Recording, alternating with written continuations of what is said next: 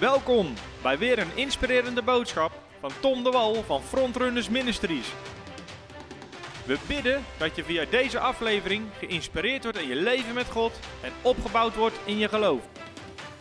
We gaan een nieuwe serie doen en eigenlijk een beetje in aanloop ook naar de Prophetic Conference, waar we het hebben over Gods woord voor Nederland, uh, wil, had ik het op mijn hart om een serie te doen over Gods plan voor Nederland.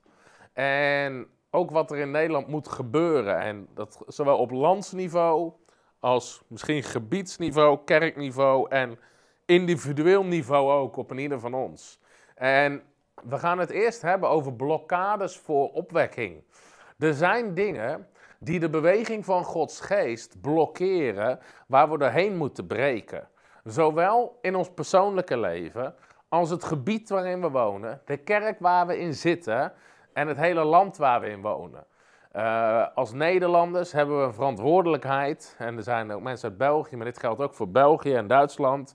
Maar ik, er zijn dingen die uh, het werk van Gods geest kunnen blokkeren, waar we ons bewust van moeten zijn en mee moeten afrekenen.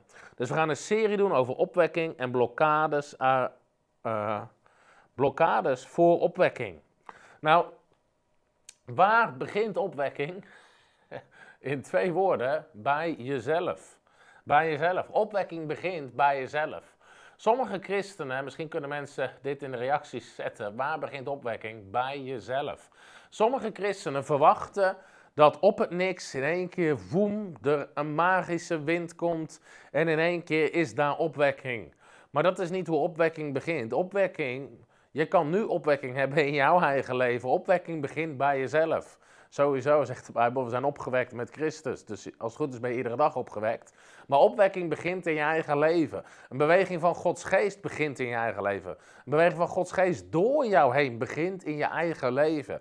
Het is niet een soeverein iets van God, wat God, waar we maar moeten afwachten met z'n allen. Of God dat wil doen in ons land, in onze kerk, in ons gebied.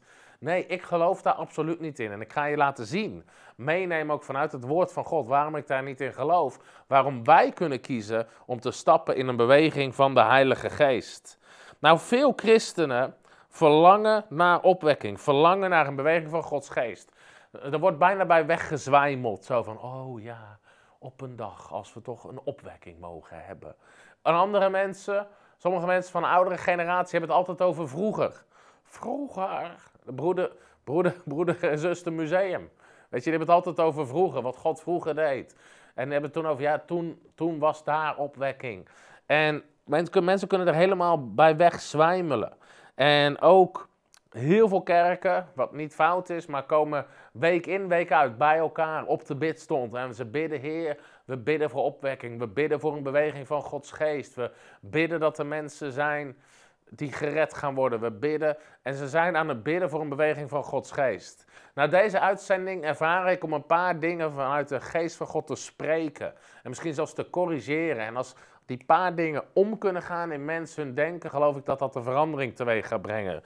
Ten eerste moeten we beseffen dat God liever opwekking wil geven, nog dan wij het willen hebben. God wil nog liever opwekking geven dan wij het willen hebben.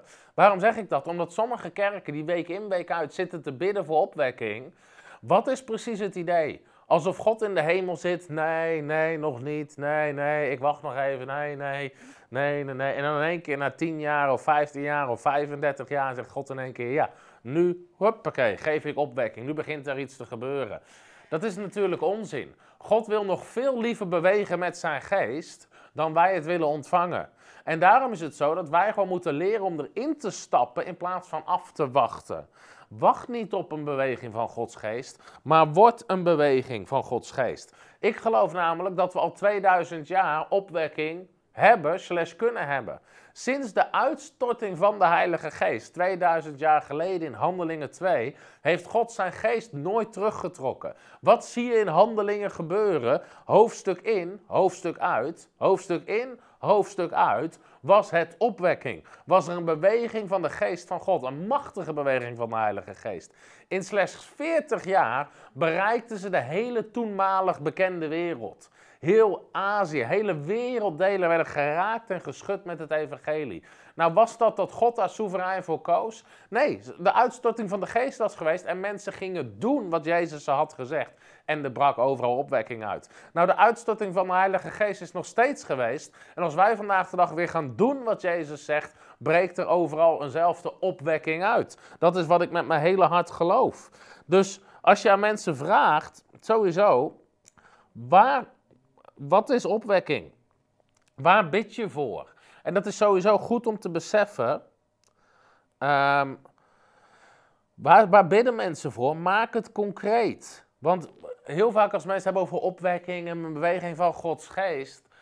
Soms zijn christenen er goed in om dingen vaag te houden. Vaag te houden. En dan zie je mensen ook hebben vage ideeën. Uh, ja, ja, we hadden echt een hele krachtige, hele krachtige diensten. Oh, wat is er dan gebeurd? Zijn er mensen gered? Zijn er mensen gedoopt? Zijn er mensen gevuld met de Heilige Geest? Zijn mensen bevrijd van demonen? Zijn mensen genezen van ziektes? Zijn mensen toegerust en uitgezonden om de oogst binnen te halen? Uh, nee, nee, we, we ervoeren echt een verandering in de atmosfeer. Is dat alles? Een verandering in de atmosfeer? En hoe lang blijft die verandering hangen? Mensen hebben vage ideeën, vage ideeën. Ja, nee, we hebben, echt, uh, we hebben echt doorbraak. We hebben drie weken gebeden. Wat is de doorbraak? Ja, we ervaren echt een andere atmosfeer. Ik kan daar ontzettend weinig mee. Word concreet. Ga concreet iets doen. Behaal concreet resultaat. Er zijn hele bewegingen die ook weken, jaren zitten bidden. En ik ben voorstander van gebed, begrijp me goed. Alleen ze zitten maar te bidden en te bidden en te bidden. Heer, doe dit. Heer, doe dat. Heer, doe zus. Heer, geef dit. Heer, geef dat.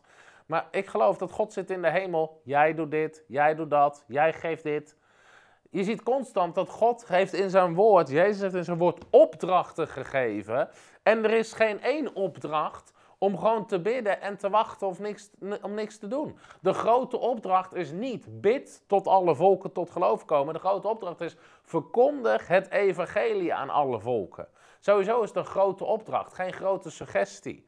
Er moet minimaal zoveel actie zijn als gebed. Dat zie je bij de discipelen van Jezus, dat zie je in de handelingen, dat zie je constant. En um, opwekking, dus waar, hebben we het over? Wat is opwekking? En, nou, opwekking is sowieso niet met 65.000 christenen bij elkaar komen op het, op, het, op het Walibi-veld om met elkaar te zingen. En daar drie dagen te kamperen. En dit is natuurlijk even een grapje naar het opwekkingsfestival, waar niks mis mee is, is helemaal prima. Alleen, het beeld wat sommige christenen hebben bij opwekking, dat wil ik aanspreken. En ik hoop dat ik hier iets in kan veranderen in je denken. Wat is opwekking namelijk niet? Opwekking is namelijk niet het verzamelen van alle gelovigen op één plek en daar met elkaar God aanbidden. Ga ik nog een keer zeggen. Opwekking is niet het verzamelen van alle gelovigen op één plek en daar met z'n allen God aanbidden. Hoeft niet verkeerd te zijn, maar dat is niet opwekking. Wat is, waar halen mensen dit beeld van opwekking bij, vandaan? Dat alle mensen naar één plek komen. Opwekking is niet dat iedereen naar één plek komt. Opwekking is dat iedereen overal naartoe gaat. Is niet het verzamelen van alle christenen op één plek. Is het uitzenden van alle christenen naar alle plekken. Zodat overal mensen tot geloof komen. Mensen bevrijd worden, mensen genezen worden. Want dit, dit is precies wat je ziet in het. De geest van God ge, gebruikt om te getuigen van plek naar plek naar plek naar plek. Het was niet zo dat ze de bovenkamer als dat vandaag de dag zou gebeuren, een uitstorting, uh, zoals uh, in Handelingen 2, zouden mensen er meteen een nieuwe christelijke mekka van maken. Uh, kom, we gaan er met z'n allen naartoe, we gaan er met z'n allen naartoe. Maar wat was het? Ze werd, de geest werd uitgestort en ze moesten met z'n allen erop uit. Niet met z'n allen er naartoe, met z'n allen erop uit. Er werd meteen het evangelie gepredikt, 3000 werden gedoopt en het ging door heel Jeruzalem heen. U heeft heel Jeruzalem met deze leer vervuld. In alle huizen kwamen mensen bij elkaar, ze vermenigvuldigden zich en ze gingen vandaan naar andere gebieden toe. Het was niet zo dat ze daar vervolgens jaren met elkaar bij elkaar kwamen om fijne aanbiddingsdiensten te hebben. Dat is niet wat opwekking is. Dus mensen moeten sowieso hun denken vernieuwen in wat opwekking en een beweging van de geest is.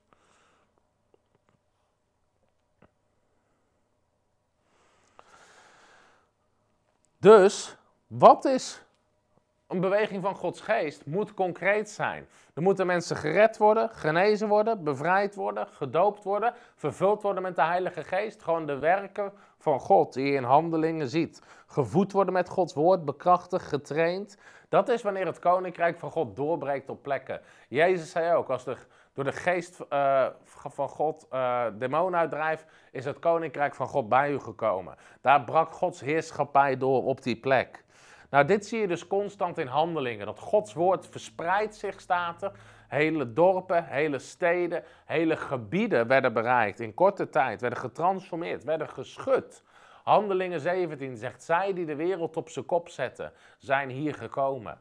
Nou, kunnen we dat nog zeggen van onze kerken, van bedieningen? En het kan vandaag de dag. Even als voorbeeld, evangelist Jan Zijlstra. Zijn bediening heeft letterlijk Nederland geschud. Sowieso hadden ze 150.000 geregistreerde beslissingen voor Jezus. Dat is 1% van Nederland. Dat betekent als je 100 Jan Zijlstra's had gehad, was Nederland gered geweest. Daarnaast kende heel Nederland hem. Ongelovig of ongelovig, iedereen kende Jan Zijlstra. Overal hadden mensen het over zijn campagnes. Zijn wonderen kwamen regelmatig in het nieuws, schudden hele gebieden, hele provincies. Nou, daar heb je een voorbeeld van een bediening. Net zoals in handelingen. Zij die de wereld op zijn kop zetten, zijn hier gekomen. Dat zou de reputatie moeten zijn van kerken en bedieningen. Als ze ergens heen gaan. Oh nee, weet je, daarom zeg ik vaak: je kan geen opwekking hebben zonder opschudding. Dat is ook een goede voor mensen om in de reacties te zetten. Er bestaat geen opwekking zonder opschudding. Overal in handelingen was heftige opschudding, heftige tegenstand. Ze werden tegengesproken, er werd gelasterd, valse getuigen. Er begon meteen van alles te gebeuren als een reactie van het werk van de duivel op het werk van Gods geest. Maar een ziekte in de kerk is braaf christendom. Braaf christendom. Uh, ja, we willen niemand tot aanstoot zijn. Jawel, je wil wel mensen tot aanstoot zijn. Jezus is de steen des aanstoots. Help hem een handje. Predik het evangelie zoals het is. Predik vergeving van zonde. Uh, ja, je mag niks zeggen over zonde, dat is kwetsend. Weet je wat kwetsend is? Mensen naar de hel laten gaan, dat is kwetsend. Preek gewoon het evangelie. Preek, zonde is zonde, recht is recht. Predik vergeving van zonde. Predik de waterdoop. Predik genezing van ziektes. Predik bevrijding van demonen. En meteen komt daar een reactie. Uh, je kan toch niet zeggen dat dit demonisch is? Jawel, het is demonisch. Weet je, mensen willen alles maar wegredeneren. Maar als je het rauwe evangelie en het woord van God predikt, beginnen dingen te schudden. Dat is wat wij constant zien. Media verzinnen van alles en nog wat. Het is een tegenreactie van de duivel. Ze verzinnen gewoon om ophef te veroorzaken. Een tijdje terug waren we in Goes voor een genezingscampagne. In Goes was vlak daarvoor Roze Zaterdag. Waar, uh, nou goed, met LHBTQ+, en dat was daar dan één groot feest op die zaterdag. En wij waren daar een paar weken later, uh, gewoon toevallig in dezelfde stad. En wat schreef de media? Terwijl wij hebben het nooit over homoseksualiteit in genezingsdiensten, nog nooit voor gebeden in een genezingsdienst. Wat schreef de media?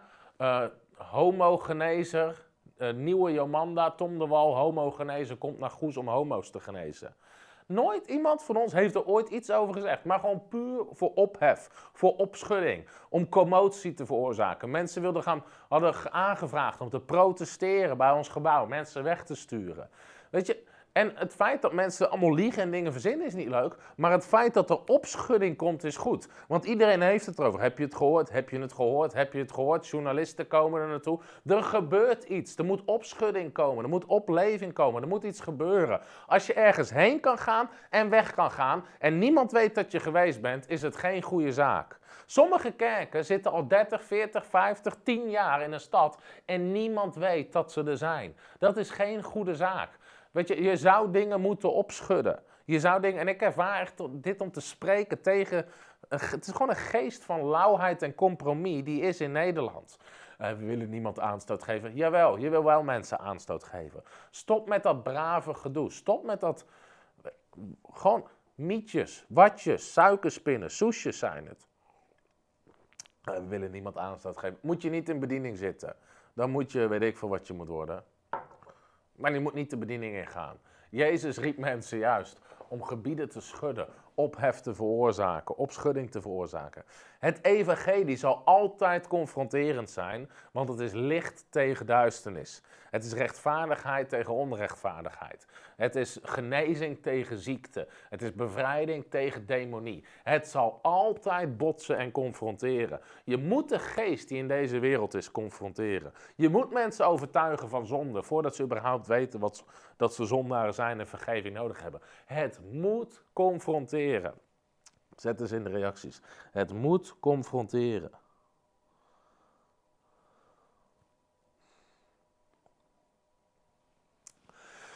Dus, hoe kwam ik hierop? Oh ja, wat je leest in de handelingen, er moeten dingen geschud worden. En mensen moeten anders gaan denken. Want mijn part zouden heel veel kerken, oh ja, heel veel kerken en heel veel bedieningen, daar had ik het over. We moeten Nederland weer gaan schudden. En op die manier moeten we gaan denken. En we hebben bijvoorbeeld bedieningen die dat gedaan hebben in Nederland. Mensen moeten je niet langer kunnen negeren. En dan is de volgende fase dat ze je gaan liegen. Maar dat is, dan kunnen ze in ieder geval niet meer negeren. Ze moeten er iets mee. Dus, mijn punt is, er is al opwekking. Er is al een beweging van Gods geest. Als je simpelweg gaat doen wat Gods woord zegt. Je verkondigt het evangelie. Je legt handen op zieken voor genezing. Je drijft demonen uit. Je doopt mensen in water. Je vult ze met de Heilige Geest. Overal waar je komt, is vervolgens een beweging van Gods geest. Overal is een beweging van Gods geest. Want als je vraagt aan mensen die bidden voor opwekking, omschrijf opwekking. Wat zullen ze vaak omschrijven? Oh, mensen die gered worden, mensen die bevrijd worden, mensen die genezen worden, mensen die gedoopt worden, mensen die vervuld worden met de Heilige Geest, uh, samenkomsten die vol zitten, uh, kerken die gestart worden. Dat is al lang gaande. Stap erin. Stap erin. Het is iets waar je, je moet niet langer wachten. Je moet afrekenen met excuses. En dat is ook iets wat ik ervaar om op te rammen in deze uitzending. Maar mensen moeten afrekenen met excuses waardoor ze eruit blijven. En ik zal, zal gewoon even wat voorbeelden geven. Maar als mensen het daarover hebben. Alleen dit jaar hebben we al honderden keuzes gezien voor Jezus. Tijdens de campagnes, tijdens de conferenties, tijdens de diensten. Tientallen, tientallen, tientallen, honderden keuzes voor Jezus. En alleen, alleen in Goes in drie dagen, 165 bekeerlingen. Campagne na campagne na campagne. Maar niet alleen campagne na campagne, dienst na dienst na dienst. Een tijdje terug was ik bij vrienden in de bediening die we ook helpen in Tilburg. Die gewoon een opwekking hebben daaronder jonge mensen. Ik predik heel simpel over de gelijkenis van de zaaier, hoe het woord van God werkt. Ik doe een oproep, of 12 of 18 jongeren staan op. Hele, gewoon oproep. Als je nog nooit je leven Jezus hebt gegeven, je geen vergeving van zonde ontvangen, je wil het ontvangen, je wil Jezus Heer maken. Sta op, kom naar voren. Of 12 of 18, ik weet niet meer, jongeren, boem, staan op. Dan kan je denken, oh wacht, deze zit hier misschien al weken. Nee, allemaal op één na, nog nooit gezien, voor het eerst. En week in, week uit hebben ze dat daar. Er is een beweging van Gods geest gaande waar je gewoon in kan stappen. We hebben, we hebben zien duizenden mensen per jaar tot geloof komen. Mensen die gedoopt worden. Laatst hadden we in één maand 140 mensen gedoopt. Los nog van alle andere maanden, alle andere diensten. We hebben diensten gehad waarbij we meer, meerdere diensten gehad, waarbij we meer dan 100 mensen in één dienst dopen. In Nederland. In Nederland. We hebben, weet je, genezing, we hebben honderden, duizenden getuigenissen van genezing. Doop en, doop in de Heilige Geest en tongentaal, duizenden. Echt waar. En niet, niet overdreven. Mensen die bij onze campagnes, conferenties komen, weten het. Oproep. Als je nog niet vervult met de Heilige Geest, je spreekt nog niet in tongentaal, kom naar voren. Heel vaak 100 mensen, 200 mensen. Boem, je bidt. Allemaal worden vervuld met de Heilige Geest. Beginnen te spreken in tongentaal. Bevrijdingen.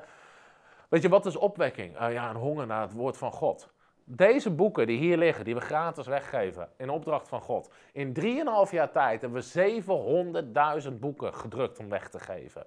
Honger naar het woord van God. Ik zat voor deze uitzending even te kijken op YouTube. Alleen afgelopen 365 dagen. Anderhalf miljoen mensen bereikt met onze onderwijsvideo's in Nederlandstalig. We hadden laatst in één week 1 miljoen Nederlanders die getuigenisvideo zagen van een vrouw die genas van een ziekte en een meisje wat genas van een ziekte. 1 miljoen, dat is 1 op de 16 in Nederland. In één week. Via TikTok hadden we een miljoen mensen in een week. Mijn punt is, er is een gigantische honger naar God. Er is een gigantische bereik. Dit is in Nederland. Weet je, dit is wat God aan het doen is. De, laatst ook Zwolle zit vol. Kan niemand, weet je, alle, alles uitverkocht ook zeg maar. De tickets zijn gratis. Alle tickets op. Goes vol. Er is een gigantische honger naar het woord van God in Nederland. We hebben laatst een kerk gestart in Twente. Eerste dienst, 300 mensen.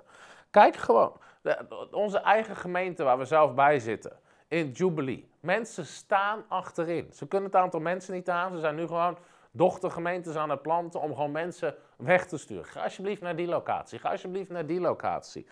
Kijk naar River Amsterdam. Week in, week uit. Bomvol. Ik sprak voor Pastor Ben midden in de zomervakantie. Ik had niks gezegd op onze social media kanalen dat ik er zou spreken. Omdat ik wil niet altijd een heel reizend circus achter ons aan. Die alleen maar willen dat je voor genezing bidt. Wat ik soms doe, maar niet iedere dienst. Midden in de zomervakantie. De rij in Amsterdam. Afgeladen vol. Tientallen keuzes. Voor, gewoon midden in de zomervakantie. Waar andere voorgangers, dat bedoel ik met excuses. Uh, ja, in de zomervakantie komen niet veel mensen naar de kerk. Oh nee, hoe, hoe laden ze de rij in Amsterdam? Vol. Mijn punt is, er is opwekking gaande. Er is een beweging van Gods geest gaande. Uh, oh nou, dat zie ik niet in mijn leven. Zie ik niet in mijn kerk. Dan is er iets wat je moet gaan veranderen in je leven. Want God geeft het. En het is voor iedereen. Wat God doet voor één, doet hij voor iedereen. Wat God doet voor één, doet hij voor iedereen. Dus denk niet, dat is ook zo'n soms denken wat mensen hebben. Uh, ja, God heeft ervoor gekozen om dat daar in die kerk te geven. Alsof God op de troon zit en zegt, nou, weet je wat, laat ik die kerk daar, Jubilee en de River en ja, die kerken, laat ik die kerken eens even zegenen. En daar iets bijzonders doen. En de rest, die zoekt het maar uit. Nee, het is voor iedereen. Iedereen kan erin stappen. Iedereen kan erin stappen. En daar gaan we deze uitzending over hebben. Wat je ook moet beseffen is, weet je, ik zat van de week zat ik nog een boek Ezekiel te lezen, waar Ezekiel die rivier ziet komen uit de nieuwe tempel en dan, hè, dan staat hij eerst te kijken en dan moet hij, gaat hij enkeldiep, uh, kniediep, middeldiep die rivier in. Nou, er is een rivier van Gods geest die stroomt. En precies hetzelfde is vandaag de dag aan de hand. Sommige mensen staan van afstandje te kijken. Weet je, er zijn mensen, en daarom spreek ik deze uitzending over ongeloof, die horen dit op de radio, op podcast en die zeggen, nou, ik weet het niet hoor, ik weet het niet. Ze staan te kijken. Of sommigen zeggen, ja, het is wel mooi voor hun. Ze staan te kijken. Je hebt andere mensen die stappen er met hun enkels in. Die beginnen gewoon iets te doen. En boem, je wordt geraakt door, door de rivier van Gods geest. Je hebt andere mensen die gaan er tot hun knieën in. En er gaan mensen tot hun middel in. En er zijn mensen die gaan kopje onder. Dus je hebt mensen die duiken gewoon in die rivier. Die aan de, en dat is de houding die we zouden moeten hebben. Je moet gewoon duiken in die rivier. En mensen hun eigen houding bepaalt alles. We hebben mensen in ons, in ons gebedsteam die ook eigen ministries nu zijn gestart. We juichen dat van harte toe. Ik ben geen leider van een eigen ministerie, kom maar bij ons helpen. Nee, er is zoveel nood. Start je eigen bediening, we helpen je, we zegenen je. En, maar veel van die mensen, schitterend, helpen bij ons ook mee. Nog bij evenementen. We zitten hier nu mensen te bellen in de ministerteams die gewoon gezegd hebben: Ik zie wat God doet. Ik ben er iedere dienst bij. Wij zitten in het gebedsteam en die mensen zijn er iedere dienst, iedere campagne, iedere conferentie, iedere dinsdag. Als je die mensen spreekt en vraagt wat, zijn, wat is het laatste wonder wat je hebt gezien? Hebben ze een getuigenis van vandaag, van eergisteren. En ze zien honderden mensen per jaar onder hun handen genezen, bevrijd worden, vervuld worden met Gods geest. Ze dopen mensen. Ze, waarom? Omdat ze, omdat ze erin springen. Dit zijn niet mensen. Uh, ja, ik uh, kijk wel of ik een keer tijd heb om uh, naar een dienst te gaan. we zijn ook druk. Het heeft te maken met keuzes. Het heeft te maken met keuzes. Mensen die erin springen, springen gewoon in de rivier van Gods geest. Nou, ik wil dus deze uitzending hebben. Ik ben al een half uur bezig. Lord have mercy. Ik zie mensen nu vragen stellen in de reacties die niet met het onderwerp te maken hebben. En die gaan we even time-out geven. Omdat ik heb geen tijd om erop te reageren. En anders gaan mensen in de reacties op elkaar reageren en een discussie voeren. Terwijl ze het onderwijs zouden moeten luisteren. Dus aan het eind kan ik kijken of ik tijd heb om vragen te beantwoorden. Oké, wat blokkeert opwekking? Nou, deze uitzending gaan we het hebben over ongeloof. Ongeloof blokkeert wat God kan doen en hoe God door ons leven kan werken. En ik ga een aantal voorbeelden geven over ongeloof, hoe dat blokkeert. Nummer 1. Je hoeft niet heel ver te lezen in je Bijbel. Adam en Eva in de hof. God had een, en dit zijn gewoon even voorbeelden voor mensen om te begrijpen. God had de Hof van Eden gegeven, het paradijs, waar, volmaakt, waar alles volmaakt was. Maar wat is de eerste zonde in de Bijbel? Was ongeloof. Ze geloofden niet wat God zei. Ze geloofden wat de duivel zei. Ze begonnen te twijfelen aan wat God had gezegd. Twijfel en ongeloof. En het blokkeerde daar. En daar was het zelfs zo dat het vernietigde eigenlijk het mooie wat God ze had gegeven. Eerste voorbeeld wat je meteen ziet van wat ongeloof doet. Een ander voorbeeld in de Bijbel van ongeloof is Israël wat uit het beloofde land blijft. God had, wat je zou kunnen omschrijven, opwekking voor ze. Beloofd land, overvloed, vrede, de goedheid van God. Maar ze zeiden nee, we kunnen het land niet ingaan, de reuzen zijn te sterk. En wat de Bijbel zegt in Hebreeën 3, zo zien wij dat zij door hun ongeloof, uit mijn hoofd vers 18, niet konden ingaan in het land. Het was hun ongeloof wat ze uit het plan en het beloofde land van God hield. God heeft een beloofd land voor Nederland. God heeft beloftes voor Nederland. God heeft een plan voor Nederland. En we zitten midden in dat plan.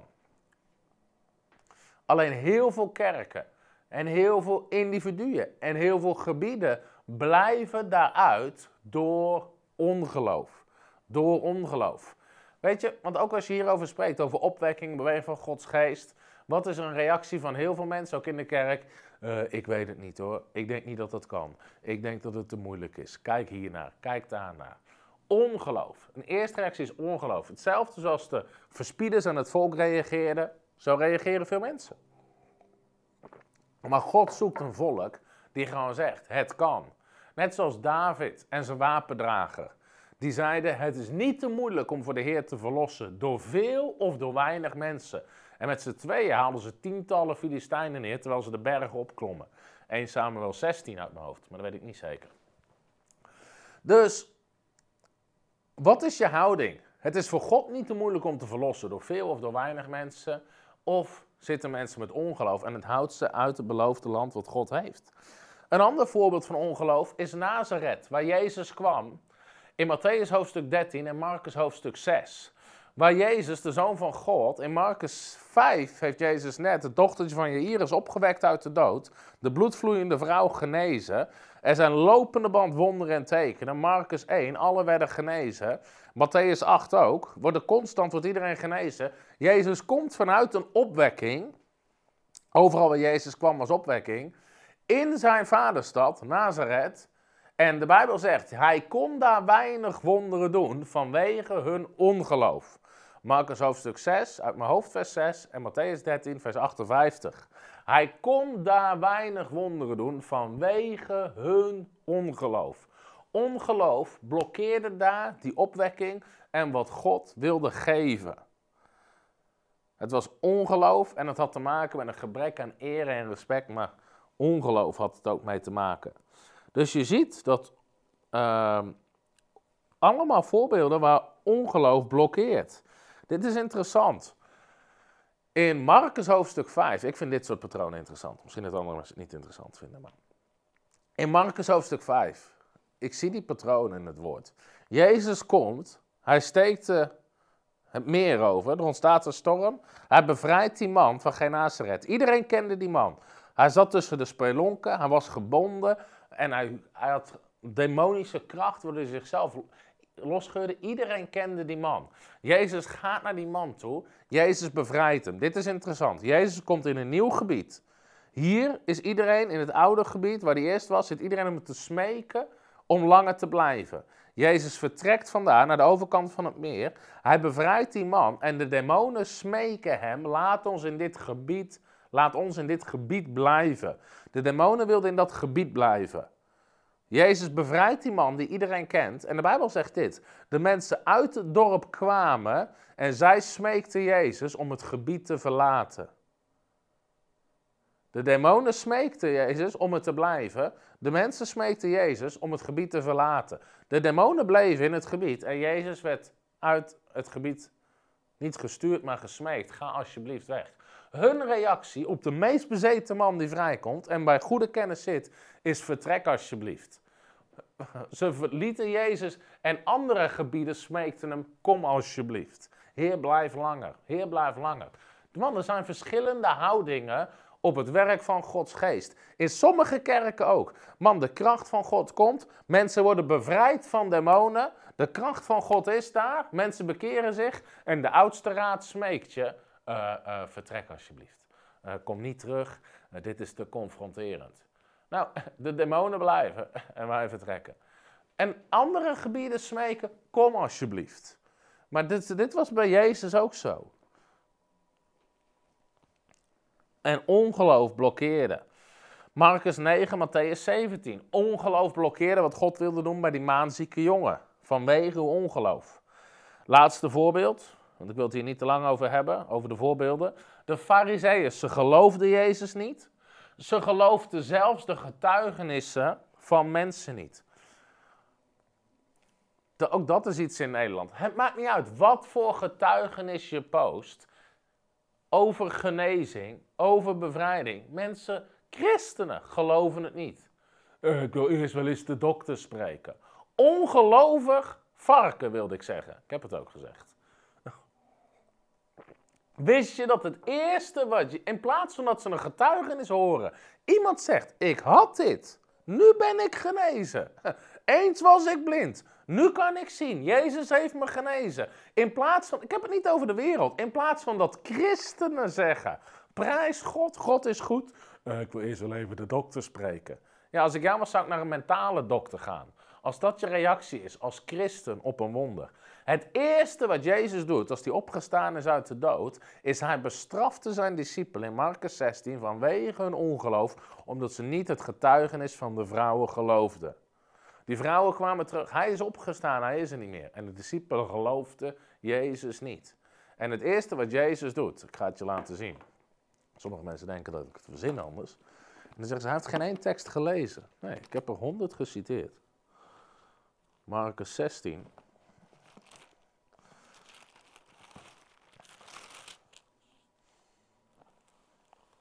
Later is hij geopenbaard aan de elf, terwijl zij aanlagen. En hij verweet hun hun ongeloof en hardheid van hart. Komt drie keer voor in het evangelie van Marcus. Omdat zij hen niet geloofd hadden die hem gezien hadden nadat hij opgewekt was. Het eerste wat Jezus doet, is hij bestraft ze omdat hij niet hun getuigenis geloofde. Jezus bestrafte Thomas. Wees niet langer ongelovig, maar gelovig, Thomas. Waarom? Hij geloofde het getuigenis niet. Weet je, dat is een kenmerk van een geest. Want dat zie je hetzelfde zien in, in, in Johannes, waar de blinde man geneest, die al 40 jaar blind was. En ze naar zijn ouders gaan. Uh, was hij echt blind? Nee, hij heeft 40 jaar met zijn ogen dichtgelopen. Nou goed, weet je, mensen, het maakt niet uit hoe groot de wonderen zijn. Er is een geest van ongeloof die het gewoon niet wil geloven. Het is een geest en het blokkeert wat God wil doen in hun leven, maar ook in, ook in hun kerk en, uh, en in hun gebied. De fariseeën geloofden Jezus niet. Ze geloofden de getuigenissen niet. Ze geloofden de apostelen in handelingen niet. Ik wil je uitdagen. Ik, ik, sowieso, ik wil je sowieso uitnodigen om ieder jaar meerdere keren het boek Handelingen te lezen.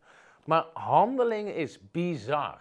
Als je leest hoe, wat er gebeurt in Handelingen. In Handelingen, Petrus en Johannes, de, de verlamde man bij de poort, handelingen 3, ze trekken omhoog, geneest. Iedereen wist die man is verlamd, hij is genezen. Dan zou je al denken, als die verlamde man genezen is, wacht, is het werk van God, laten we hier niks tegen doen. Nee hoor, wat komt meteen die geest van religie? De fariseeën, de sadduceeën, de schriftgeleerden, dit mag niet, we verbieden ze om te prediken. En, en in één keer is er allemaal tegenstand. Terwijl het wonder, weet je wel, het wonder was hartstikke echt. En vervolgens, als je het verhaal verder leest, ze blijven ze maar berispen. Op een gegeven moment stoppen ze in de gevangenis. Er komt een engel die de gevangenisdeur openmaakt, neemt ze mee uit de gevangenis en zegt: Ga in de tempel staan en predik dit evangelie. Die gevangenisbewaarders die hebben niks gemerkt. De volgende dag zeggen ze: Waar zijn die mensen? En ze komen erachter dat ze boven natuurlijk bevrijd zijn uit de gevangenis. Op het moment, en dit waren dus andere gelovige mensen. Op het moment dat er engelen verschijnen om iemand uit de gevangenis te halen en te zeggen, predik weer. En ze staan op precies dezelfde plek te preken als waar jij ze eerst hebt gearresteerd. Dan zou je denken dat het de tijd is om te zeggen, wacht eens. Misschien is het tijd om te stoppen met te vervolgen en tegen te spreken. Misschien is God iets aan het doen. Nee hoor, ze gingen weer naar ze toe en ze begonnen ze weer lastig te vallen en te arresteren. Mijn punt is, het maakt niet uit hoe groot de wonderen zijn, hoe groot de genezingen zijn. Al verschijnen er engelen die de deur open doen en mensen lopen door muren heen, is er nog steeds een religieuze geest die het niet gelooft. Waarom? De Bijbel zegt ze zijn verblind. Ze zijn verblind en die verblinding wordt pas weggehaald nadat mensen zich bekeren en met een nederig in plaats van hoogmoedig hart komen.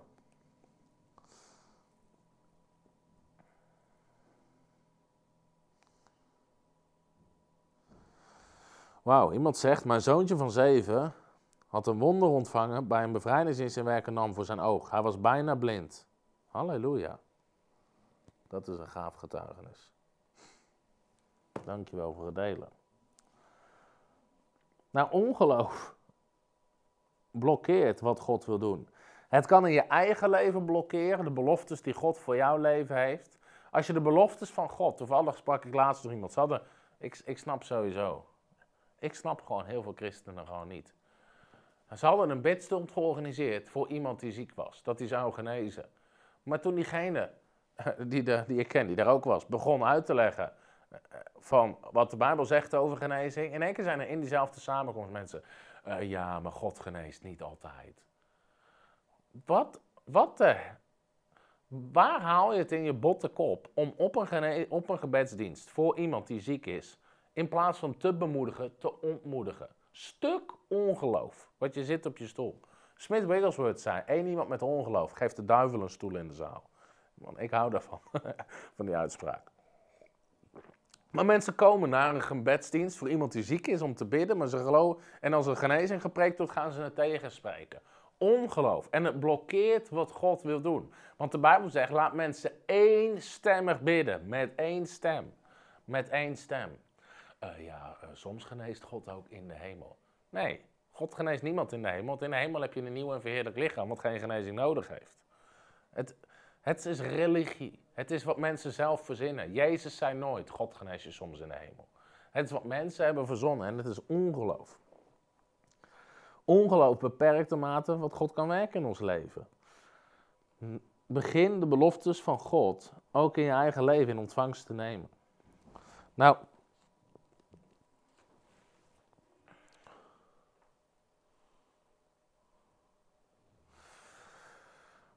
Dit is iets waar ik bij bepaald ook. En ik ga het gewoon zeggen. Ik ga niet in een dode kerk zitten. Ik wil op een plek zijn van beweging, kracht, vooruitgang en een werking van de Heilige Geest. En ik werd hier echt maar bepaald in de voorbereiding. Want ik krijg zo vaak de vraag van mensen: uh, ja, mijn kerk is dood, er gebeurt eigenlijk niks, wat moet ik doen? Waarom zit je daar? Waarom zit je daar? Ik zou voor geen goud, ik zou er niet eens heen kunnen gaan. Zoek een kerk die krachtig is. Zoek een kerk die leeft. Zoek een kerk die bruist. Zoek een kerk waar dingen gebeuren. Zoek een kerk waar het woord van God recht wordt gepreekt. Zoek een kerk waar mensen tot bekering komen, genezen worden, bevrijd worden, gedoopt worden, gevuld worden met de beweging van Gods geest. Spring in die rivier van Gods geest. Spring in die rivier van Gods geest. Uh, ja, maar uh, ik weet er gebeurt niks in mijn kerk, maar ik wil juist het vuur brengen. Nee, zorg dat je naar een plek komt waar jij aangevuurd wordt. Zodat je het vuur. Man, je bent niet geroepen om het vuur te brengen in de kerk. Je bent geroepen om het vuur te brengen in de wereld. Weet je, als die kerk dood is en mensen willen er dood zijn, willen er niks doen. Het punt is, ik heb het nog nooit zien veranderen. Ik heb honderden mensen gesproken inmiddels die zeggen: uh, nee, het gaat veranderen door mij. Ik heb het nog nooit zien veranderen. Die mensen zitten daar, die willen niet veranderen.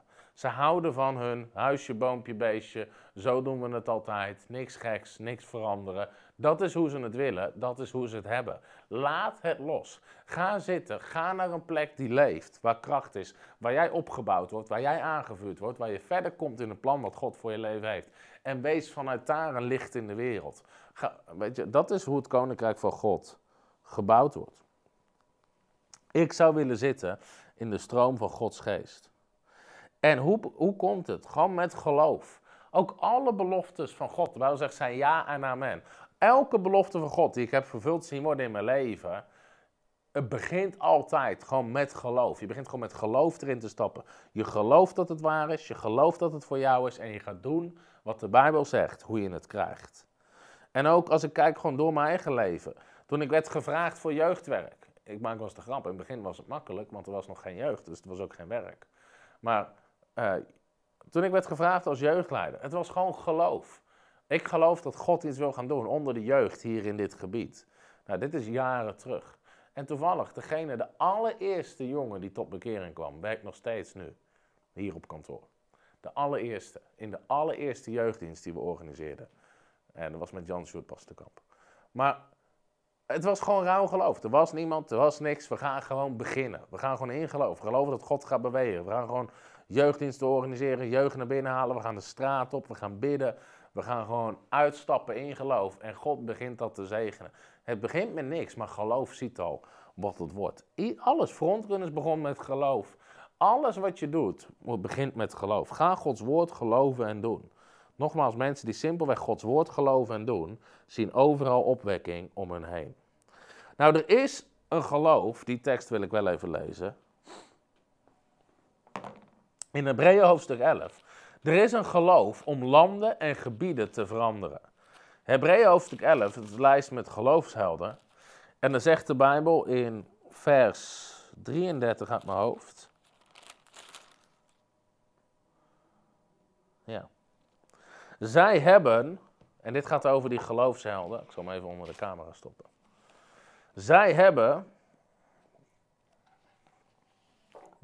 daar is die. Zij hebben door het geloof koninkrijken overwonnen, gerechtigheid in praktijk gebracht, belofte verkregen.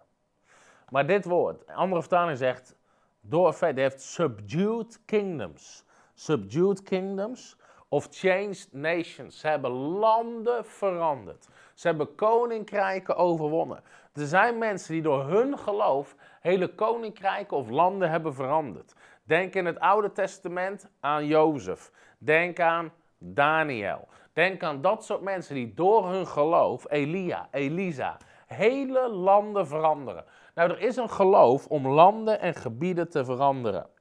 Nou, dit is ook iets wat ik ervoer in mijn geest om te delen. Misschien is het een beetje een hakuitzending, want ik ben nog op wat dingen aan het hakken. Maar mensen moeten afrekenen met excuses. Op zoveel plekken waar je komt, uh, hier is het harde grond. Mensen hebben allerlei excuses. Uh, hier is het echt harde grond. Uh, ja, hier is, heel veel mensen hier komen uit de katholieke achtergrond. ja, hier is het heel traditioneel. hier is het heel erg ontkerkelijk. Er is altijd iets. Hier is het heel erg ontkerkelijkt. ja, hier zijn de mensen heel nuchter. dit is echt heel religieus. ja, hier, hier geven mensen niet.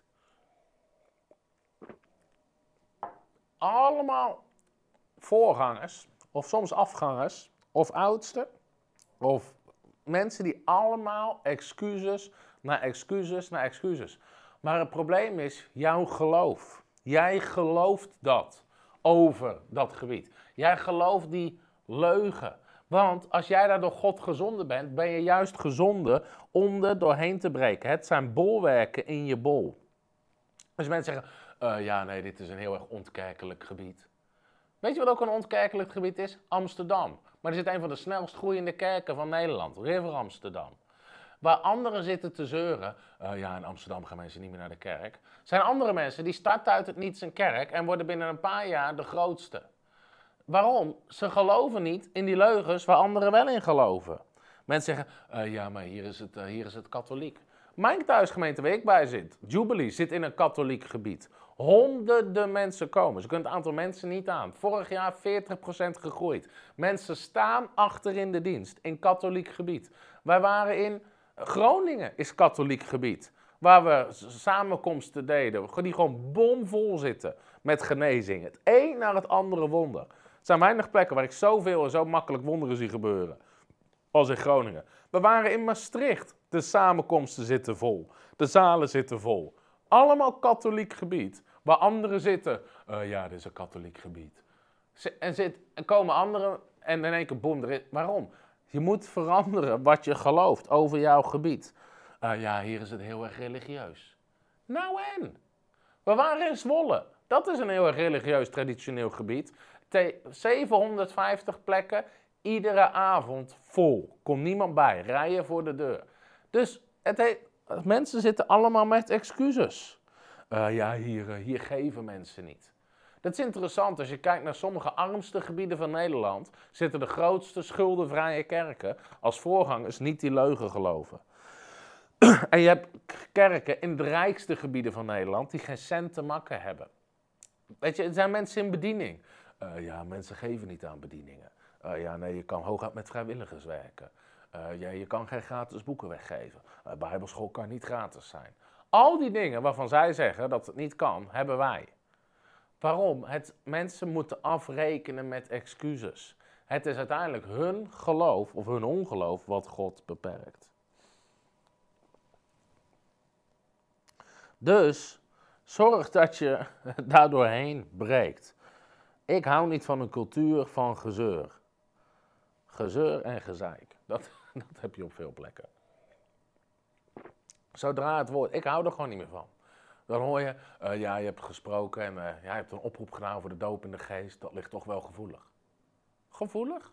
Wat is er gevoelig aan een oproep voor de doop in de geest? Uh, ja, dat openbaar in tongentaal spreken, dat vinden mensen heftig. En ja, ja, dat, ik weet niet of dat helemaal bijbels is. Waar ben je gestopt met lezen? Handelingen 2? Nee, blijkbaar Handelingen 1. Handelingen 2 heb je niet eens gelezen. Maar, maar snap je, mensen hebben, zitten altijd moeilijk te doen. Gezeur, gezeik. Het maakt niet uit, want er, is altijd wel iets of iemand. Je moet daar gewoon doorheen breken. Leiders en voorgangers moeten daar gewoon doorheen breken. Tegen dat soort mensen moet je gewoon zeggen: Oké, dan is dit niet jouw kerk, want hier geloven we in een beweging van de geest en tongentaal. Uh, ja, maar geen gemaar. Dit is hoe we het doen. Maar people pleasing. Uh, ja, we zullen kijken of we het voortaan wat gedimder kunnen. Nee, we zullen kijken of we het voortaan wat harder kunnen doen. Oh, nou, dan kom ik niet meer. Prima, dan kom je niet meer. Dan mis je je toch niet. Oké. Als je een leider bent, breek het door. Breek het door. En dit is echt een oproep, iets wat ik ervoer. Iets wat ik ervoer in mijn voorbereiding. Ik weet, ik ben op sommige dingen aan het inhakken, maar er zijn een paar dingen die ik ervaar vanuit de geest van God. Dit is een oproep aan leiders, voorgangers, predikers, afgangers, oudste, jongste. Maakt mij niet uit. Breek het door, een beweging van Gods geest. Dit is een leugen die ik soms hoor van leiders. Zeggen, uh, nee, we proberen mensen echt mee te nemen in een langzame bocht. Zoiets bestaat niet. Ik heb het nog nooit goed zien gaan. Ik heb het. Nee, we gaan mensen stap voor stap meenemen en ze laten wennen. Nee, het werkt niet. Laat me één gemeente zien waar dat gewerkt heeft. Geen één. De langzame bocht werkt niet. Neem een, een, een, hoe zeg je dat? Een steile bocht? Nee, het is geen steile bocht. Neem een scherpe bocht. Neem een 90 graden bocht. Zeg, hé, hey, wij zijn de kerk van Jezus Christus. Dit is waar we vanaf nu voor staan genezing voor zieken, bevrijding van demonen, doop in water, doop in de Heilige Geest, vergeving van zonde. Dit is waar we voor staan, dit is wat we preken, dit is waar we voor gaan. Het gaat openbaar gebeuren, niet in een achterkamertje, het gaat openbaar in de dienst. We staan voor aanbidding, we staan voor tongentaal, we staan voor de gaven van de Heilige Geest. Uh, ja, mensen hebben er moeite mee. Prima, zoek eens maar een andere kerk. Dit is de kerk van Jezus Christus en dit is wat we doen. Dat is wat werkt. Uh, ja, maar dan loopt de helft weg. Ze lopen toch weg. Vroeg of laat lopen die mensen toch weg. Je gaat ze niet meenemen met een langzame bocht. Zet het gewoon neer zoals je het neer wil zetten. En dat zal God meer zegenen, God behagen, dan mensen proberen te behagen. Ik heb het nog nooit zien werken. Zeg gewoon, hier staan we voor, hier gaan we voor. Uh, ja, wij willen mensen zelf laten kiezen. Nee, je moet mensen niet zelf laten kiezen. Je moet mensen gewoon zeggen wat het woord van God zegt. Daarvoor ben je een voorganger. Je moet voorop gaan. Je moet het neerzetten. Die langzame bocht werkt niet. Ik heb het nog nooit goed zien gaan. De enige die er op lange termijn uitvliegt is de voorganger. Dan komt het oudste team. En ja, ja, het ligt toch wel gevoelig. We verlengen je contract niet. En van voorganger word je in één keer afgezet. En er is een hoop gezeur. Dan heb je van die prachtige organisaties die komen om je te helpen. Die nog een keer de statuten voorlezen. En dan ben je er nog steeds uitgezet. Nou, prijsgod, geweldig. Als je in een kerk zit waar God beweegt en waar zijn woord wordt geloofd, bouw mee. Wees onderdeel van zo'n kerk. Wees onderdeel van zo'n kerk. We moeten afrekenen met ongeloof. Ik ben inmiddels al een uur bezig, zie ik. Als er mensen zijn die hierover vragen hebben, ga ik ze proberen te beantwoorden. Iemand vraagt, is een kerk alleen maar goed als het vol zit? Als een kerk nog gewoon groeiend is? Nee, groeiende kerk is prima.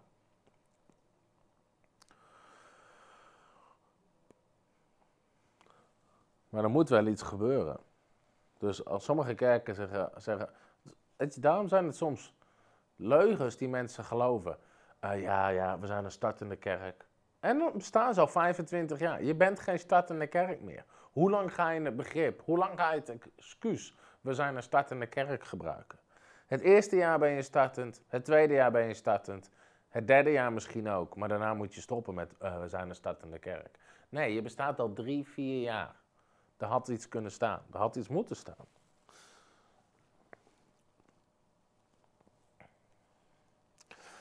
Even nog wat voorbeelden voordat ik ga afsluiten met gewoon ongeloof.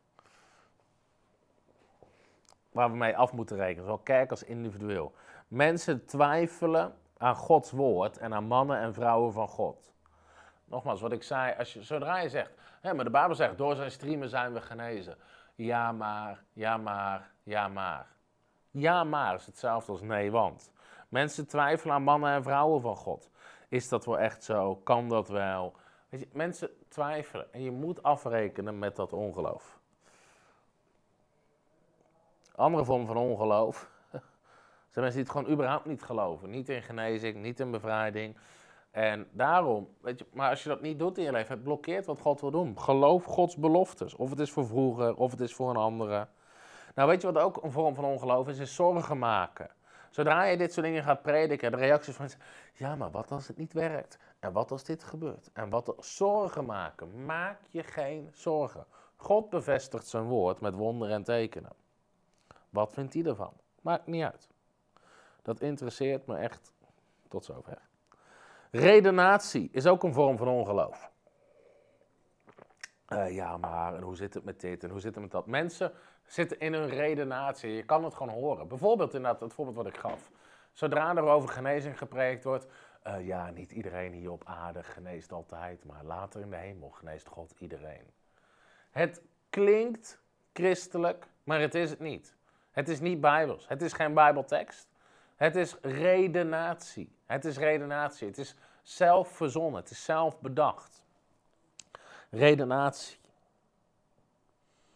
Mensen kunnen heel goed redeneren. Alleen het is een vorm van ongeloof. Cynisme. Cynisme. Dit zie je ook heel veel christenen zijn cynisch op de dingen van God.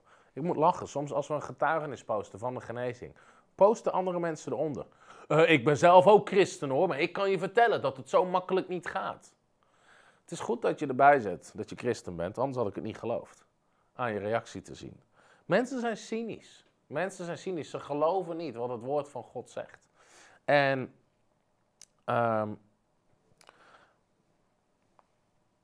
heel veel mensen die dus zo in de wet zitten. Moeilijk, lastig, ik weet het niet. Ik heb gewoon besloten in mijn eigen leven, dat zijn niet, dat zijn niet mijn soort mensen. Dat zijn de verspieders die terugkomen en zeggen, moeilijk, lastig, te groot, te zwaar, te moeilijk, ik weet het niet. Ik wil optrekken met Jozua's en Caleb's. Die zeggen, we kunnen het beloofde land innemen. Die reuzen zijn ons tot voedsel. We gaan het doen. God is trouw. God staat aan onze kant. Dat zijn de mensen waar ik mee optrek. En sommigen zeggen, hoe kan je zo hard zijn met wie je wel en niet optrekt? Omdat ik heb gelezen in mijn Bijbel wie er wel en niet in het beloofde land komt. Daarom. En de moeilijk, lastig, ik weet het niet, kan niet, komen niet in een beloofde land. Als mensen willen sterven in de woestijn, be my guest. Maar ik ga het beloofde land innemen. En mensen waar ik mee optrek, wil ik dat die dezelfde houding hebben. Dus ik kies de mensen waar ik mee optrek. Ze hadden een andere geest, zegt de Bijbel. Ik zoek mensen met een andere geest dan de geest van deze wereld. Nou, om het even af te ronden, want ik ben al een uur bezig. Ik ben een uur bezig.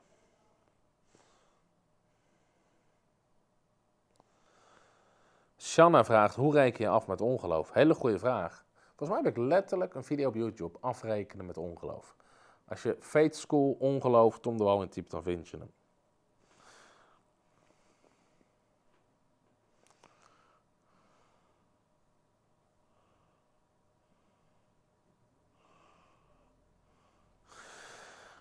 Even een conclusie, samenvatting. Er is al een opwekking, beweging van Gods geest, waar wij kunnen instappen. Als je simpelweg gaat doen wat het woord van God zegt, zie je opwekking overal om je heen. Ongeloof blokkeert opwekking en wat God wil doen. Reken af met excuses. Moeilijk, harde grond, dit, dat. Excuses. Reken daarmee af. Reken daarmee af. En wat ik specifiek ervoor is dus, als je ergens voor verantwoordelijk bent, breek het door. De langzame bocht werkt niet. Neem een scherpe bocht. En move on. Dit ervoor ik echt voor mensen die op plekken zitten waar geen leven is, waar niet de rivier van God stroomt. Move on. Trek met mensen op waarmee jij in je beloofde land gaat komen. Laat anderen je niet meetrekken, waardoor je sterft in de woestijn. Dit is zo belangrijk. En dat is wat ik erover kan zeggen en wil zeggen. Maar blijf niet hangen op plekken waar geen vooruitgang is, waar geen leven is, waar niet de rivier van Gods geest stroomt. Move on, zoek een plek waar het wel is. Zo ontzettend belangrijk als jij wil komen op de plek, de bestemming die God voor jouw leven heeft.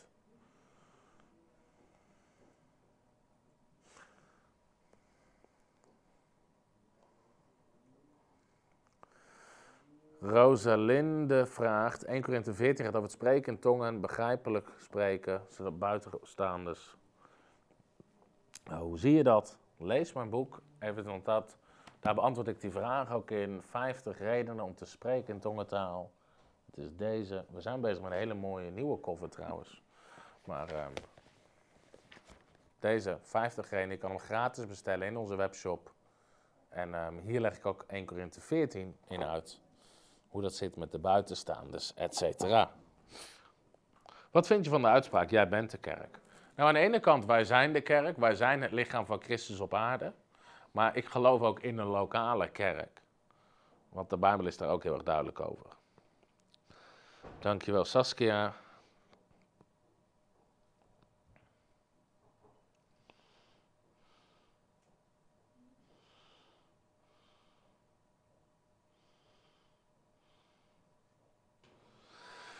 Oké, dat was deze uitzending. Als je erdoor gezegend bent en uh, je wil gewoon meebouwen aan wat we met frontrunners aan het doen zijn, ik wil je van harte uitnodigen om partner te worden van frontrunners, partner mee in de oogst. En als je partner wordt, heeft verschillende voordelen. Ten eerste zegt de Bijbel, je krijgt een oogst op wat je zaait. Je wordt een medearbeider van de waarheid, je krijgt deel aan de vrucht. Ik zoek de vrucht die op uw rekening toeneemt. En Paulus zegt, nu jullie mij hebben voorzien, zal God jullie in alles voorzien. Dus als je nog geen partner bent, wil ik je echt uitnodigen. We hebben het ook Revival Partner genoemd. Partner mee in wat God aan het doen is. Je kan ook eenmalig geven, losse gift geven via de website. We hebben ook een tiende rekening. Die zie je ook hier op de slide komen als je je tiende wil geven. Gift kan je overmaken of via Adil of gewoon zelf overmaken. Als je een aantal boeken nog niet hebt, Ga gewoon naar de webshop, bestel ze gratis. De eerste boeken zijn ook al in meerdere talen beschikbaar. In het Engels, in het Duits, ze komen er ook aan in het Frans. Dus daar zijn we heel erg hard mee bezig. misschien ben je al partner en kan je partnerschap verhogen. Of misschien ben je het ooit gestopt en kan je het weer opzetten. Dus, en nogmaals, als je nog niet hebt geregistreerd voor de Blast Conference, zorg dat je naar de Blast komt. Misschien kunnen we nog afsluiten met die promo. En dan wil ik je hartelijk bedanken voor het kijken. God zegen en tot de volgende keer. Hallo, Tom de Wol hier en bedankt dat je weer geluisterd hebt naar onze podcast. Ik bid dat het je geloof gebouwd heeft en je bemoedigd bent. Als je niet alleen een luisteraar van onze boodschap wil zijn, maar ook een verspreider daarvan, wil ik je uitnodigen om partner te worden van Frontrunners. Door jouw maandelijkse donatie help je ons om dit evangelie van Jezus Christus en het woord van God over heel de aarde te brengen. Om partner te worden, ga naar www.frontrunnersministries.nl slash partners en word partner. Hartelijk bedankt en tot snel.